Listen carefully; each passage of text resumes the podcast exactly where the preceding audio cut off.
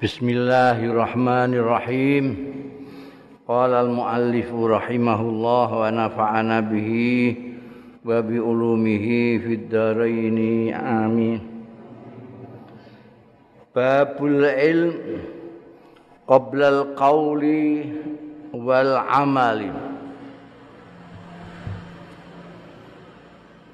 Penting iki. Bab ngilmu qoblal kauli sadurunge guneman. Wal amalilan ngamal. Yang sebelum kamu bicara sebelum pidato sebelum amal sebelum berbuat ngilmuni dulu. Yang nomor satu itu ilmu Qala al-Imamul Bukhari dawuh sapa Imam Bukhari radhiyallahu anhu liqaulillahi ta'ala tumrape dawuh Gusti Allah taala fa'lam annahu la ilaha illallah. Niku surat Muhammad ana fa'lam annahu la ilaha illallah. Sing gawene di ngendikakno sing mimpin-mimpin tahlil iku dawuh Gusti Allah. Dawuh Imam Bukhari mengomentari firman Allah fa'lam annahu la ilaha illallah mongko ngerti sira ana ustune kelakuan iku la ilaha. Ora ana pangeran sinembah illallah kejaba Gusti Allah. Imam Bukhari ngomentari fabada abil ilm. Mongko miwiti sapa Gusti Allah taala bil ilmi fa'lam. Ketahui dulu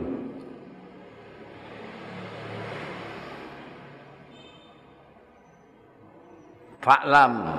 Jadi kita belajar dulu tentang Gusti Allah Ta'ala bahwa tidak ada Tuhan selain Allah Ta'ala. Pertama kali harus tahu. Durunge kue bolak-balik la ilaha illallah, la ilaha illallah. Itu di ngelmuni dulu, di ngerteni dulu apa itu makna intinya la ilaha illallah. Hingga nanti betul-betul kita itu bertauhid. Bukan hanya lambi tok. Bada'a bil ilmi wa annal ulama alan setuhune wong-wong sing alim yang punya pengetahuan hum iya ulama iku warasatul anbiya. Iku waris-warise para nabi. Warasu marisi sapa ulama al ilma ing ilmu. Man sapane wong akhadahu sing iso mundut iya man ing ilmu akhoda berarti mundut bisa mengambil ya man bihadzin wafirin kelawan bagian yang melimpah. Bihadzin wafirin dengan bagian yang melimpah. Nek kasirin oke nek wafir melimpah-limpah. Banyak sekali.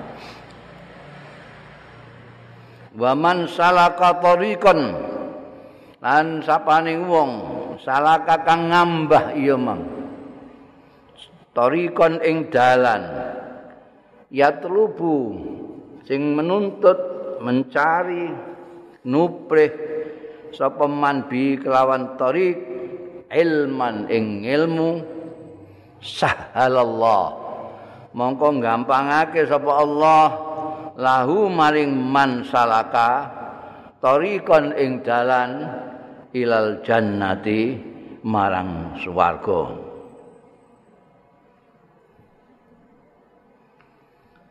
Wa qala lan dawuh sapa Gusti Allah jalla zikru sing maha luhur apa zikruhu zikir Allah. Innama yahsyallah min ibadihi ulama. Innama yahsyallaha angin pestine wedi ing Gusti Allah min ibadihi saking kawula-kawulane Gusti Allah iku al ulama wong-wong sing padha ngerti.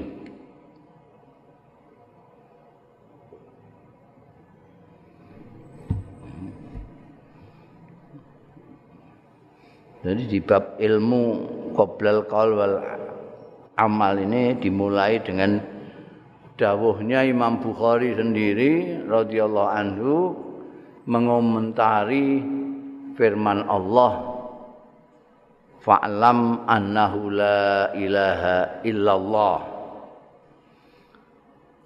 Komentar beliau Allah memulai dengan ilmu. Fa'lam. Alam itu ketahuilah. Yang diketahui itu pengetahuan pengetahuan macam-macam di antaranya yang paling pokok mengetahui tentang Tuhan tentang Gusti Allah Ta'ala. Ya, bahwa Tuhan itu yang disembah hanyalah Allah Ta'ala. Nggak ada Tuhan yang lain.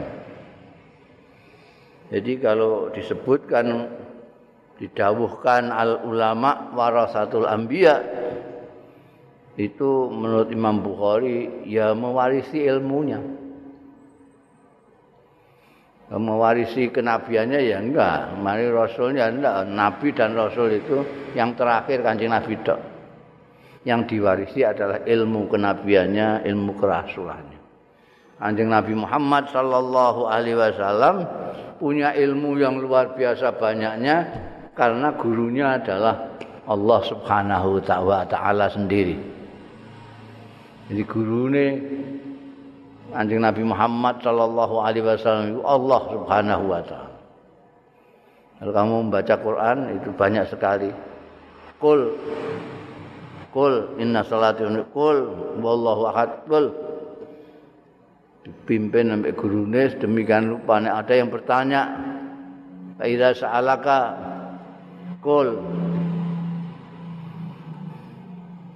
di ilmune kok Gusti Allah sedemikian banyaknya dan itu yang diwarisi oleh ulama-ulama ulama yang pertama adalah tentu saja sahabat-sahabatnya murid-muridnya Kanjeng Rasul sallallahu alaihi wasallam.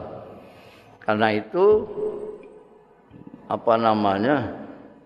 ngalim-ngalim mewarisi ilmu ini Kanjeng Rasul sallallahu alaihi wasallam.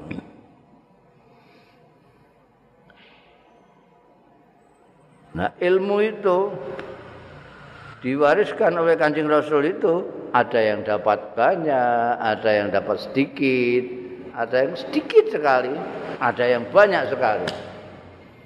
Kalau orang kok mendapatkan ilmu dari Kanjeng Rasul Shallallahu Alaihi Wasallam, seberapapun yang didapat itu merupakan bagian yang luar biasa melimpahnya. Wong kok ngantek mewarisi ilmu kanjeng Nabi seberapapun itu merupakan bagian yang besar sekali. Mulane lalu ada pencari-pencari ilmu, penuntut-penuntut ilmu.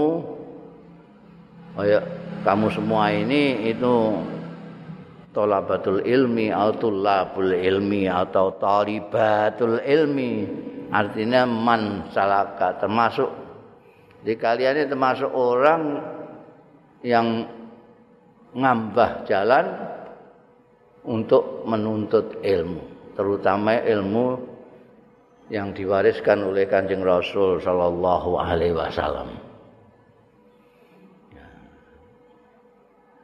Disabdakan oleh Rasulullah Shallallahu Alaihi Wasallam, man salaka tariqan yatlubu fihi ilma sahhalallahu lahu tariqan ilal jannah akan memudahkan kalian itu ke surga. Bab ilmunya kanjeng Nabi Muhammad sallallahu alaihi wasallam itu membuat orang ke surga. Itu yang paling endek. Yang paling tinggi melihat Allah dan mendapat ridhonya Allah. Jadi ndek-ndekan kowe ngono iku ngaji tentang ilmu ilmunya kanjeng Nabi Muhammad Sallallahu Alaihi Wasallam itu akan dimudahkan untuk mendapatkan surga Allah Taala. Karena apa yang kita pelajari, terutama dari ilmu-ilmunya kanjeng Rasul itu membawa kita ke surga dengan mudah.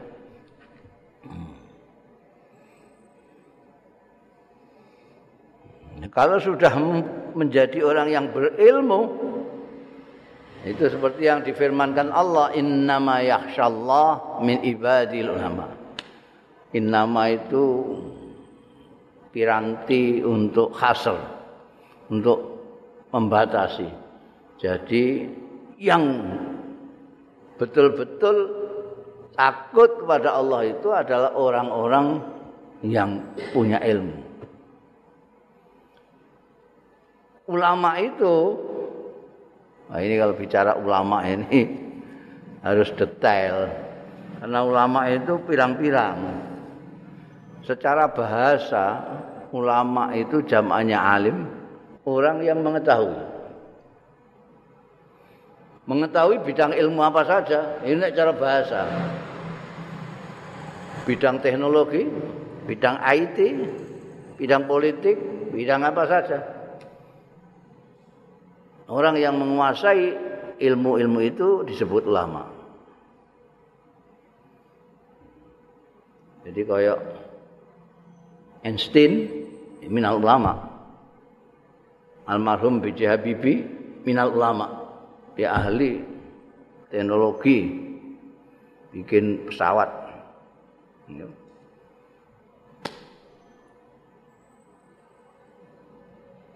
Nah, yang innama yahsyallahu min ibadi ulama adalah orang-orang yang mengetahui ilmu pengetahuan yang menunjukkan kebesarannya Allah Ta'ala.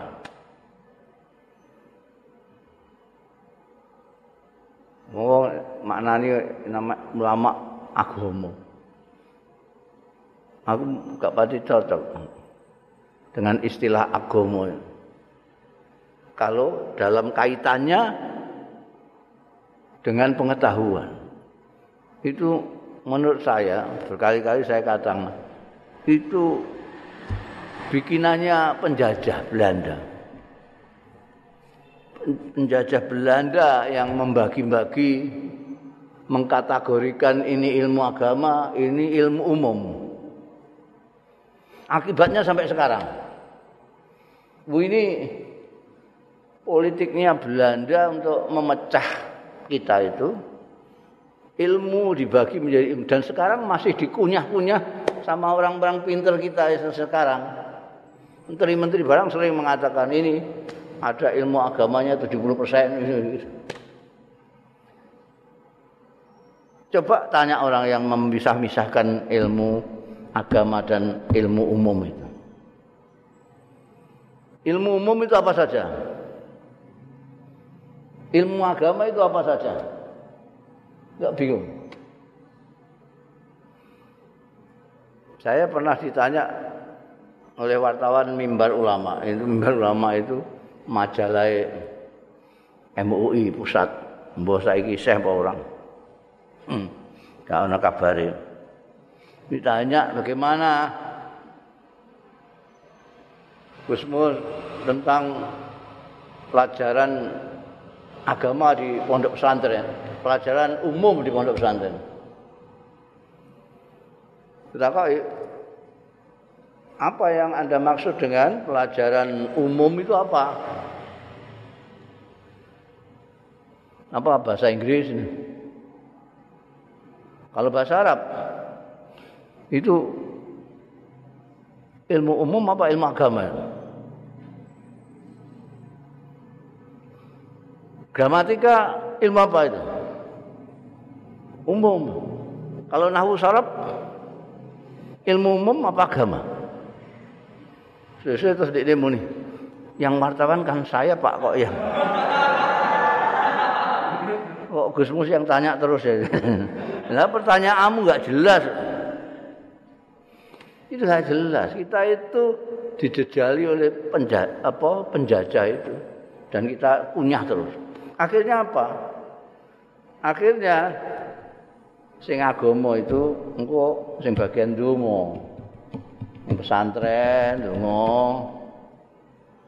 sing bagian umum iki engko sing bangun-bangun infrastruktur dadi menteri dadi gubernur iki kiai-kiai wae nek ana pembukaan apa ta apa bagian donga kan bagian agama ya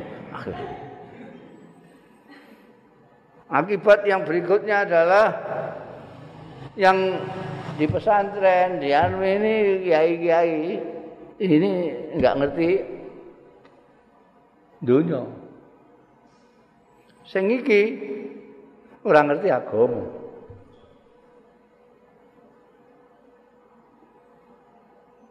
Akhirnya sing diku kalah sapa?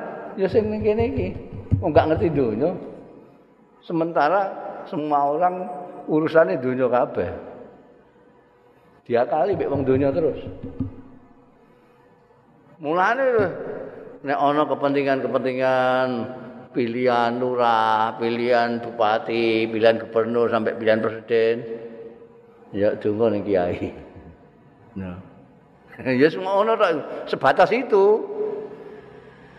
Ora kok tidak rembukan barang bagaimana merencanakan negeri ini agar religius apa ora ono ngono ku. Ya semua donga tok ana iku iku. begitu jadi ya wis lali wis engko nek ana kebutuhan lain itu misalnya untuk apa namanya ngerangkul masyarakat kiai-kiai diundang nih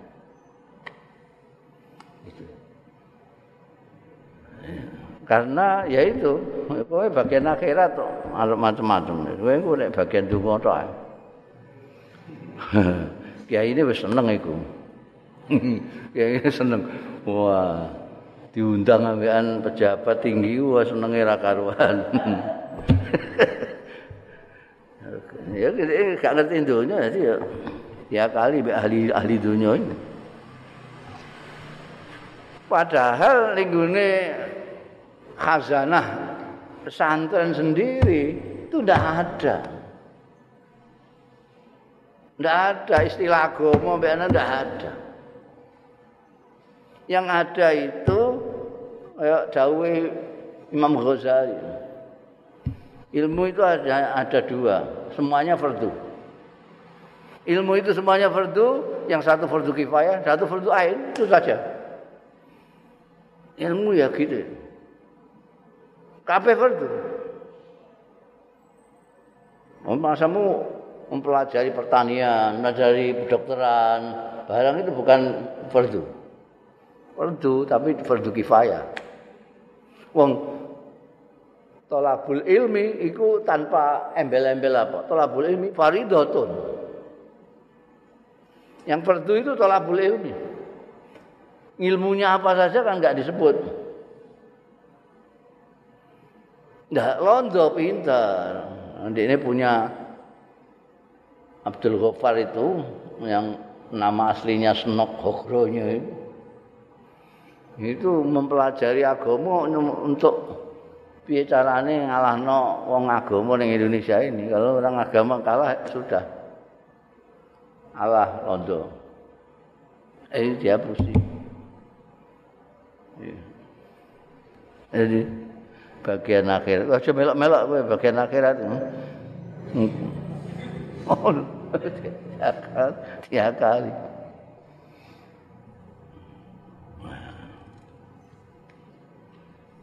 Saiki tapi sudah anu sudah mulai berontak ya di pesantren sudah ada sekolah-sekolah kan. Ayo gawe sekolah macam-macam lah. Mosok dipodoni ya ono ya ini. Ya sekolahan. Ane putrane kiai-kiai NU kaya Kiai Maskur, Kiai Saifuddin Nuri, Kiai Wahid Hazim, ono sing dadi insinyur, ono sing dadi dokter, anu itu. Kayaknya untuk melawan itu dikotomi umum bean. Hmm. Innama yahsyallah min ibadil ulama. Jadi ulama ini bisa jadi ulama apa saja. Kalau itu lughatan. Kalau istilahan ya ilmu yang bisa membuat orang kenal betul dengan Allah taala. Dan orang yang kenal betul dengan Allah taala pasti dia yang paling takut kepada Allah Ta'ala. Nah, isih celelekan, ayo kaya aman yang dunia ini, ini pancen orang pati kenal dengan Gusti Allah Ta'ala. Kenal Gusti Allah Ta'ala, ya kayak sufi-sufi itu, wali-wali itu, enaknya nangis, saya wedi terus. Muni Allahu Akbar, ngono semaput. Hmm. mereka ngerti gede ini Gusti Allah Ta'ala. Tahu. Tahu itu ngalim. Jamaah ulama. Tahu. Besarnya Allah seberapa itu tahu. Sing ora. Iku Allah akbar Allahu akbar. Tebar takbir tebar terus eh. embek cengengesan embek melecehkan orang embek sombong Masa muni takbir sambil membesarkan diri sendiri itu lucu. Dari situ saja kita bisa tahu lah untuk meneliti ulama atau tidak. Innama yakhsyallah min ibadil. Tapi yang Indonesia ini repotnya Indonesia ini hampir 45 persen bahasa lafat-lafatnya kosa katanya serapan dari Arab. Ini kadang-kadang yang memperkaya bahasa kita, tapi kadang-kadang merancukan kehidupan kita. Ada gegeran orang karena tidak tahu bahwa ini bukan bahasa Arab, tapi bahasa Indonesia sudah menjadi bahasa Indonesia. Itu banyak sekali. Itu yang penggede-penggede yang di Senayan itu, itu bahasa Arab semua. Dewan Perwakilan Rakyat. Diwan itu bahasa Arab. Wakil, perwakilan itu dari wakil itu bahasa Arab. Rakyat dari rakyah itu maknan mbak istilahkan maknanya rakyat. Diambil comot begitu saja rakyat. Majelis bahasa Arab. Jalasa majelis. Permusyawaratan musyawarah bahasa Arab. Rakyat Majlis Pemusyawaratan Rakyat Arab kabeh. Dan itu banyak sekali sehingga kadang-kadang orang berkelahi karena tidak tahu dudungannya. Podo-podo gak ngerti ini. Geger. Ini silaturahmi apa silaturahim? Geger genjik saling membenarkan dirinya sendiri padahal podo orang ngerti ini. Dia tidak tahu bahwa silaturahmi ini, silaturahmi itu benar karena itu bahasa Indonesia. Silaturahim ya benar karena itu bahasa Arab. Orang yang ke Arab-Araban itu sana silaturahmi itu bahasa Arab. Bukan itu bahasa Indonesia. Halal bihalal itu bukan bahasa Arab. Tidak ada orang Arab. Aku suwe dengan Arab itu. Enggak tahu krungu sepisan pun orang mengatakan halal bi halal. Itu bahasa Indonesia, tapi ngambil halalnya dari Arab, binya dari Arab. Digandeng dhewe mbek wong Indonesia halal bi halal. Ulama itu bahasa Indonesia juga. Majelis ulama itu isine ora Mbah kiai ini ora.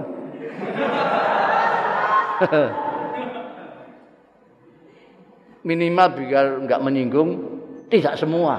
Nah, aku wani muni tidak semua. Atau bahkan kebanyakan tidak ya aku wani.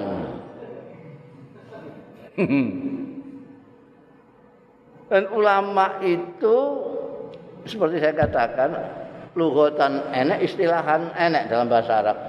Tapi ketika menjadi bahasa Indonesia menjadi rancu lagi.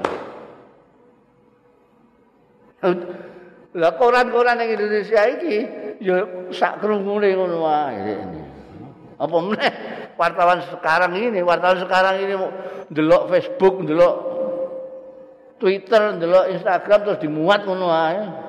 Oh, Gusmus mengatakan ngono tok. Eh, jadi wartawan ngono tok iki.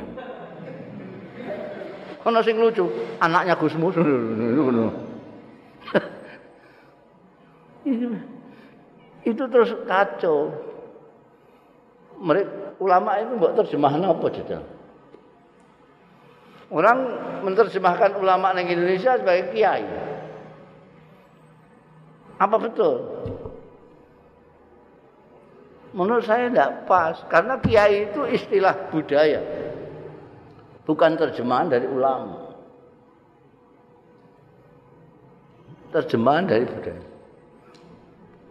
Khususnya budaya Jawa. Jadi serapan dari Jawa digunakan sekarang jadi bahasa Indonesia kiai itu. Orang Jawa itu menghormati apa-apa atau siapa apa, siapa atau apa itu dipanggil kiai. Itu orang Jawa. Kalau menghormati siapa atau apa, bukan hanya siapa, apa pun kalau dihormati disebut kiai. Kiai Sabu Inten Naga Sastra itu keris. Kiai Pleret itu tombak. Kiai Slamet malah kebu. Karena dihormati. Tidak peduli ilmunya sedikit atau banyak, tidak masalah. Asal dia dihormati oleh masyarakat, masyarakat akan memanggilnya kiai. Yang muskil memang istilah ulama ini ketika diserap ke dalam bahasa Indonesia. Menjadi majelis juga bahasa Arab, ulama juga bahasa Arab, majelis ulama. Nah orang yang anyar-anyaran itu terus sana itu Arab kabeh. Tak bisa membedakan lagi antara Islam dan Arab membedakan Arab Arab be Indonesia ora iso gak ngerti. Ana wong muni Nusantara ngamuk mergo gak cara Arab. Ya cara Arab Nusantara apa sih ya Nusantara. Padha karo sarung bahasa Arab sarung. Duren itu mana durian bahasa Arab Mangga itu bahasa Arab mangga ana dialek sing muni manggu, ana sing muni mangga. Itu dialek, tapi mangga. Kenapa jadi bahasa Arab? Karena di sana tidak ada. Jadi nyerap, sarung nyerap dari sini. Sarung. Mereka mengatakan sarung, itu maksudnya sarung. Durian. Itu durian ya, durian itu ah. Ini ya. Mulane saiki terus ana istilah kuyuh. Iku jamaah kiai. Iku jenenge mu'arab. Gawagis jamaah Gus.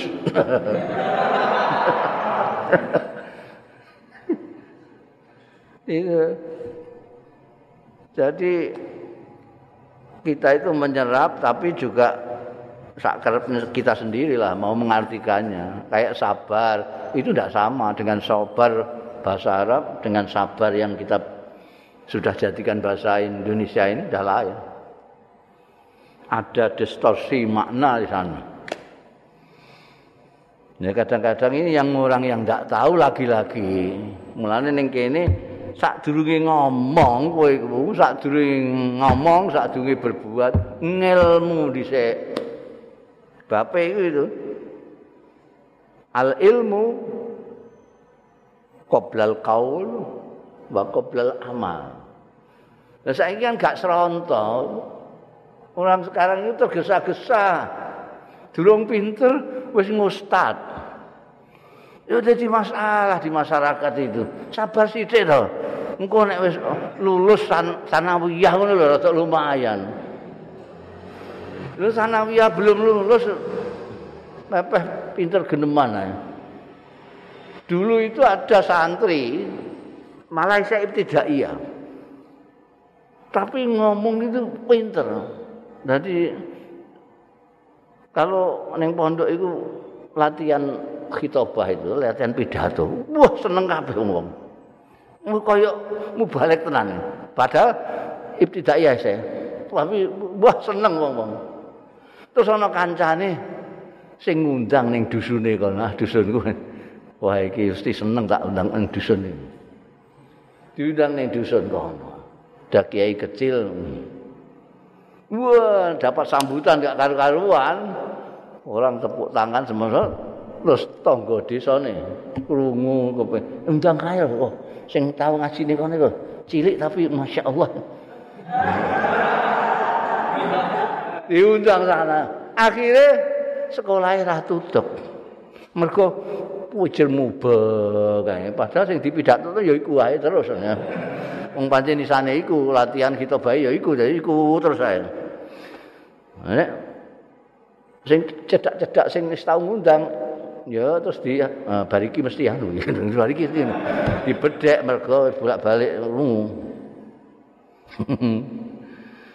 jadi gak gelem sabar golek ngilmu sik akeh ngomong.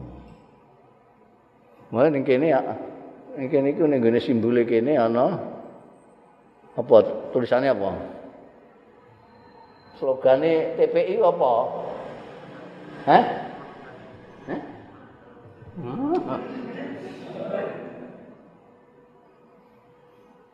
Ana.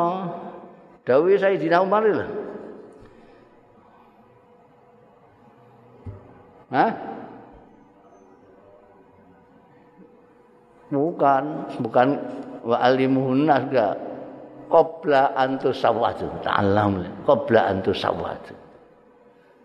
Cari ilmu dulu sebelum kamu telanjur dadekno pengarep. Sebelum kamu menjadikan ustad, dipanggil ustad, dipanggil kiai, kamu ngaji dulu. Ngaji dulu.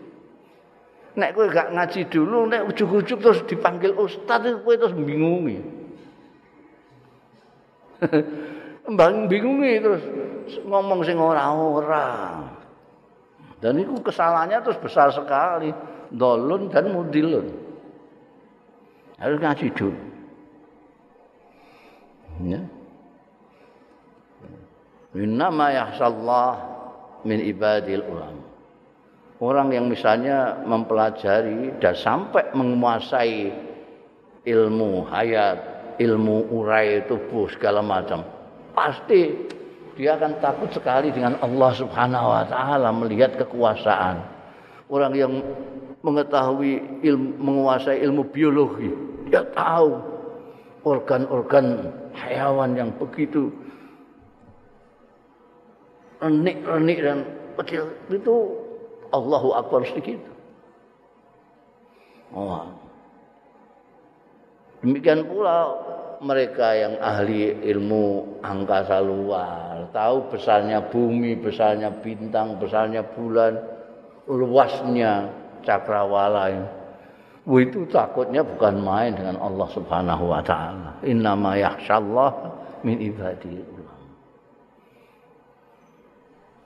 Orang yang tahunya cuma air untuk diminum, untuk ijik, untuk wudhu akan berbeda dengan orang yang tahu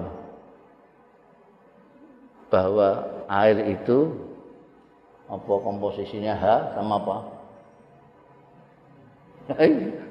Kowe iku tak darani sekolahan kowe iku Tak paham. Iku kan ada rumus anunya itu apa itu? Air itu apa rumusnya? Ini kalau nak sekolahan. Eh? Kami gak ngerti we. Apa? Ha. Ha dua.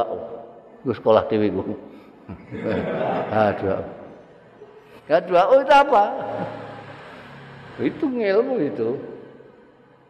Jadi orang ini kalau kurang sidik saja persenyawaannya ini. Ya bukan air. Ha dijikuk iso dadi hidrogen dadi bom barang ini kekuatannya bisa jadi mengetahui itu kan masya Allah.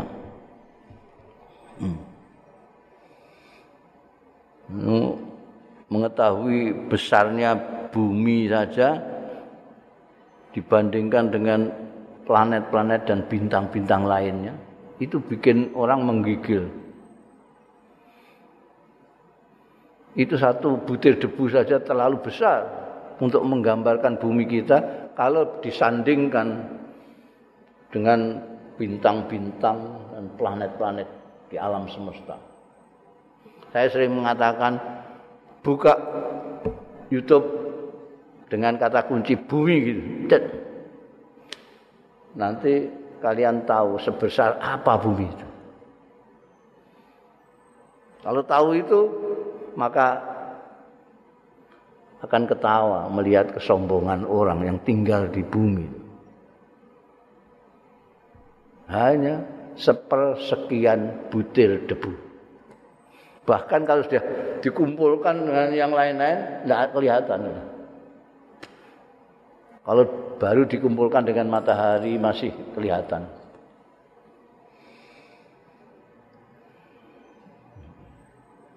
Waqala lan dawuh sapa Gusti Allah taala wa ma yaqiluha illal alimun.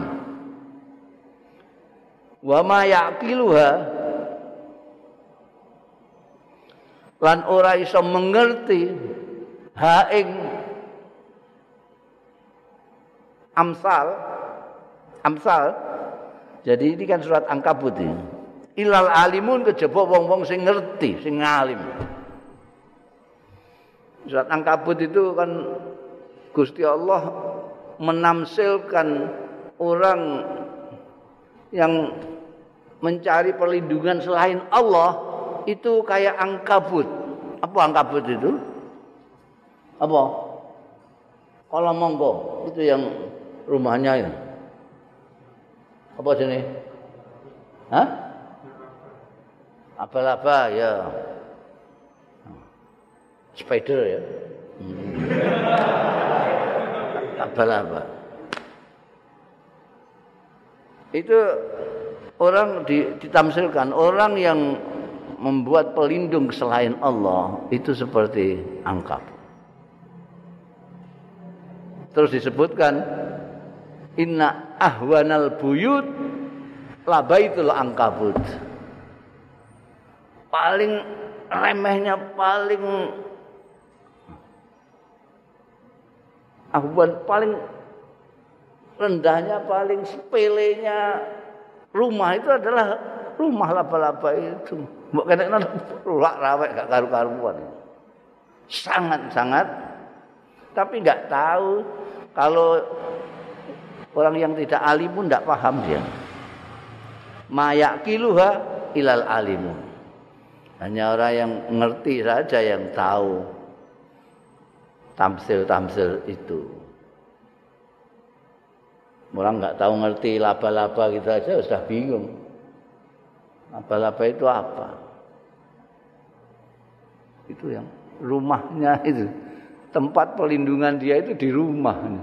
Di rumahnya itu begitu lemahnya, begitu tidak berdayanya. Kalau bangsa lamuk, lalat aja bisa ndak bisa nembus. Tapi nek drijimu, mbok kene morak marit gak apa. Sangat ahwanul buyut itu.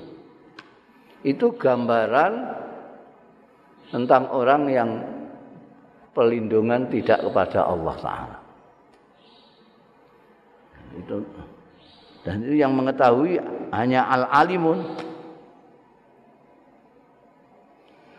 وقالوا لو كنا نسمع أو نعقل ما كنا في أصحاب السعير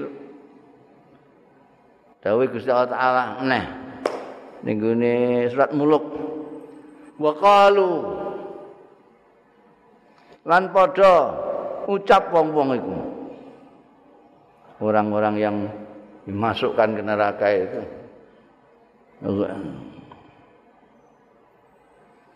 Nalladzina eh, kafaru apa kok terus piye sak durunge iki apa? Hmm.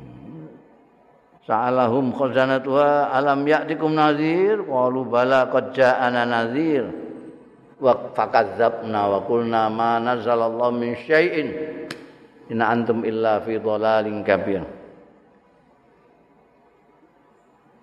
ya diperingatkan sudah ada yang memperingatkan tapi ya itu dulurung wa qalu lan ngucap wong-wong iku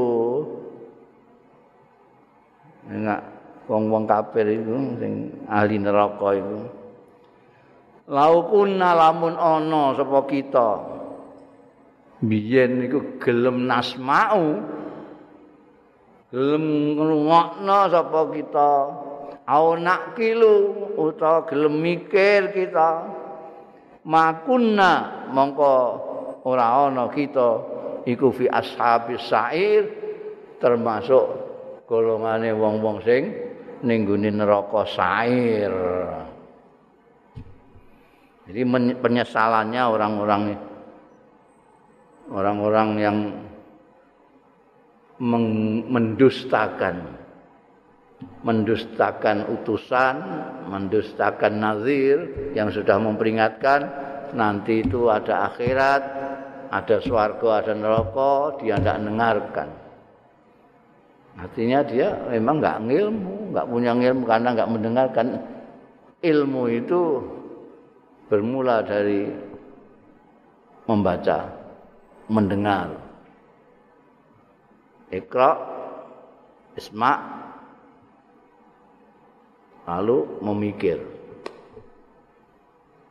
Kamu harus buka telinga, buka mata, buka pikiran. Baru dapat ilmu. Mereka itu yang digambarkan dalam surat muluk ini dia nggak mau mendengarkan. tidak mau mendengarkan. Dia hanya mau mendengarkan dirinya sendiri. Tidak dapat ilmu. Orang yang hanya mau mendengarkan dirinya sendiri tidak dapat ilmu. Syaratnya kamu punya ilmu, kamu bisa mendengarkan orang-orang yang mempunyai ilmu.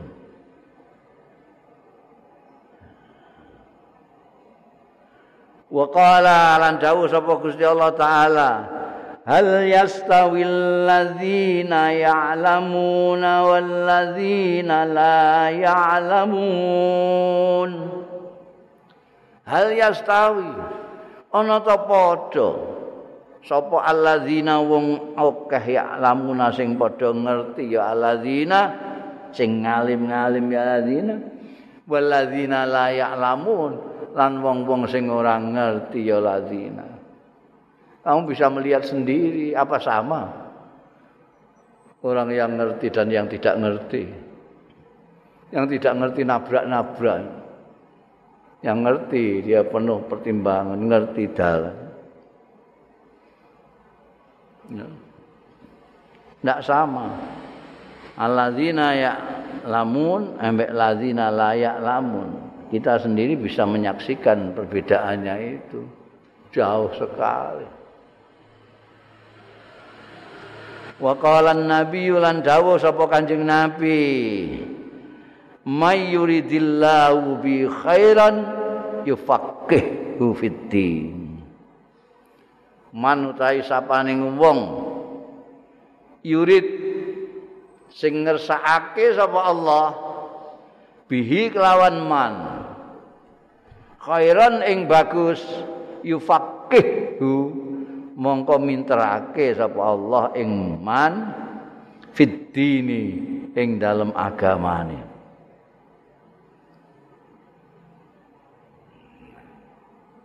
Wa innamal ilmu bit ta'allum angin pestine ilmu itu bisa didapat bit kelawan belajar. Ini digandeng no kita itu ini mayuridillahu bihi khairan yufaqihu fiddin itu hakikat ilmu hakikat jadi kalau kamu ingin tahu Allah menghendaki orang ini baik atau tidak itu bisa kita lihat dari Allah yufaqihu fiddin apa enggak. Membuat orang ini yufaqih fiddin mengerti soal agama tidak? Kalau orang ini dibuat oleh Allah difakih fiddin, mengerti agama, berarti orang ini digendaki baik oleh Allah. Ilmu ilmu hakikat. Diurut ke belakang, maka ada istilah tafakuh fiddin. Kalian semua yang sekarang ini sedang tafakuh fiddin. Itu kudu mbok syukuri bahwa kamu berarti dipilih oleh Gusti Allah. Secara hakikat kamu dipilih oleh Gusti Allah untuk tafaqquh fiddin. Untuk belajar agama supaya menjadi orang yang mengerti agama. Kalau mengerti agama berarti Tuhan mengendaki kalian baik. Nah. Mayuridillahu bihi khairan yufaqih fiddin. Kalau tidak, jadi milik. Jadi mengetahuinya dari mana? Dari sejak tafakuh itu, sejak, sejak belajar ta'allum ini karena ilmu itu bita'allum. Kamu bisa menjadi fakih karena kamu belajar.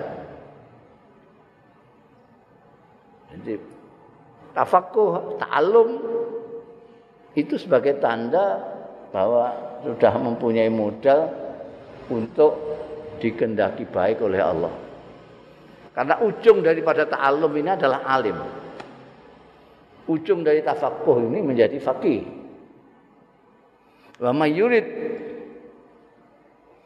mayuridillahu bihi khairan yufaqihu fiddin. Dari mana bisa yufaqih fiddin? Dari ta'allumul ilm. Mulane wong sing ditakdirno kok jadi talibul ilmi itu harus bersyukur. Sejak sebelum jadi wong alim sudah bersyukur. Dengan cara apa? Cara sungguh-sungguh untuk mencari ilmu itu. Supaya nanti menjabat menjadi orang yang alim. Kalau sudah menjadi orang alim, berarti dikendaki baik oleh Allah Subhanahu wa taala. Ya. Innamal ilmu bita'alum. Bukan bitamani. Jadi ilmu itu kudu dipelajari. Tidak pelajari. Dipelajari. Nah, ya mesti berat. Penggulek sego ya berat toh eh? Golek beras saya berat. Golek duit saya berat. Paling golek ilmu. Membutuhkan kesabaran karena ilmu tidak segera ketok moto. Secara fisik manfaatnya kanggo awakmu kan enggak tor. Iki aku ndek ilmu kanggo apa hmm, kok dienggo apa ilmu nanti yang akan memberikan sesuatu kepada kamu. Ya. Kalau bicara bisa benar berbuat bisa tidak salah sampai itu itu kan ilmu. Wa qala Abu Dzarrin nah, ilmu yang disebut tafaqquh fiddin ini ya ilmu yang tadi sebutkan pertama tadi dari Kanjeng Rasul sallallahu alaihi wasallam. Jadi kalau kamu mempelajari ajaran-ajaran ilmu dari Kanjeng Rasul sallallahu alaihi wasallam itu meliputi segala macam. Segala macam. Asal kamu tidak termakan politik Belanda tadi itu.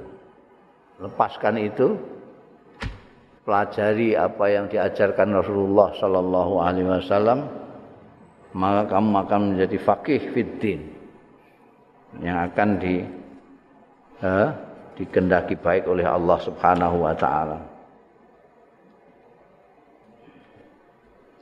Wa qala Abu Dzarrin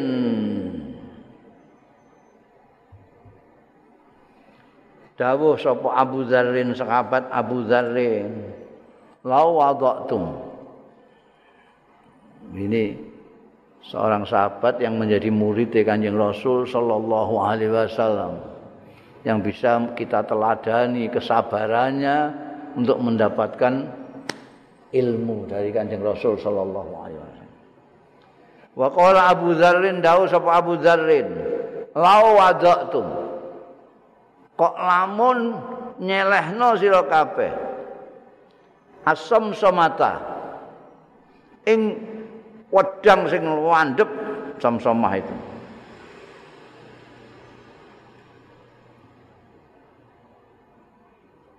berarti mau pedang. Pedang saif iki as pedang sing tuajem samsomah itu kalau kamu meletakkan pedang yang tajam ala hadhihi ing atase kene iki hadhihi iki wa asara lan awe isar sapa Abu Dzarrin ila qafahu maring gitoke Abu Dzarrin lawadtum samsama ala hadhi ambek ambek ngisarati tengkuknya artinya kalau kamu meletakkan pedang landep di tengkuk saya ini. Summa dzanantu.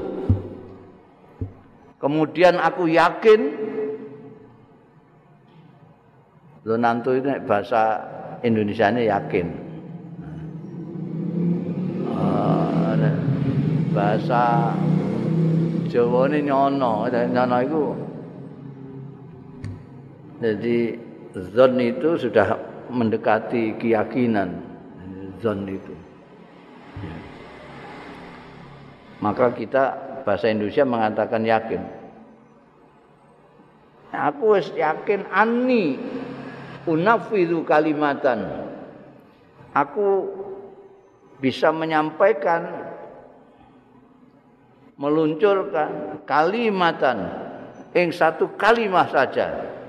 Sami tuha sing ngrungu sapa ingsun ha ing kalimah minan nabi saking kanjeng nabi sallallahu alaihi wasallam.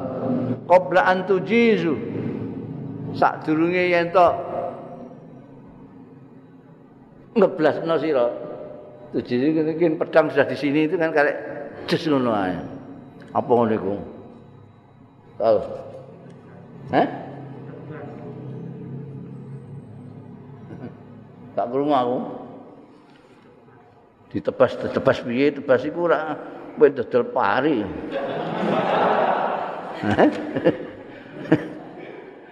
Eh, jadi dibablasno bablasno aja tebasno bablas sebelum kalian membablaskan bablasno alaya la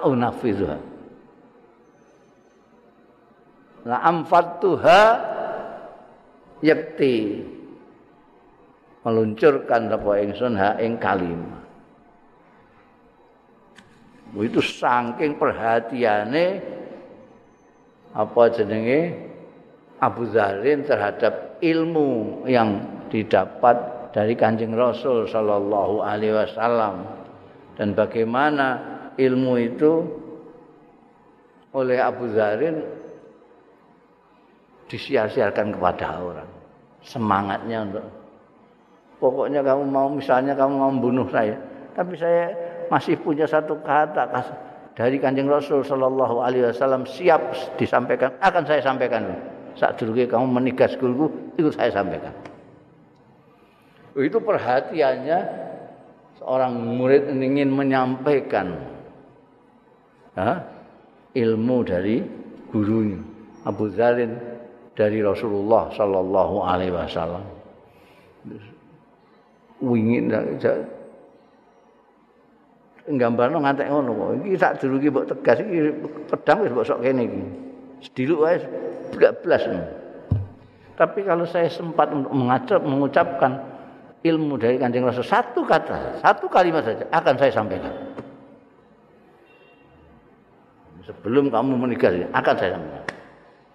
Jadi kesempatan yang paling kecil pun dari kehidupan saya, saya masih bisa menyampaikan ilmu dari Rasulullah SAW akan saya berikan.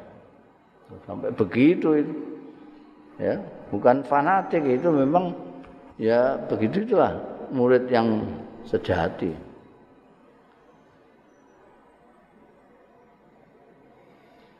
Wa qala Ibnu Abbasin wa qala Ibnu Abbasin Allah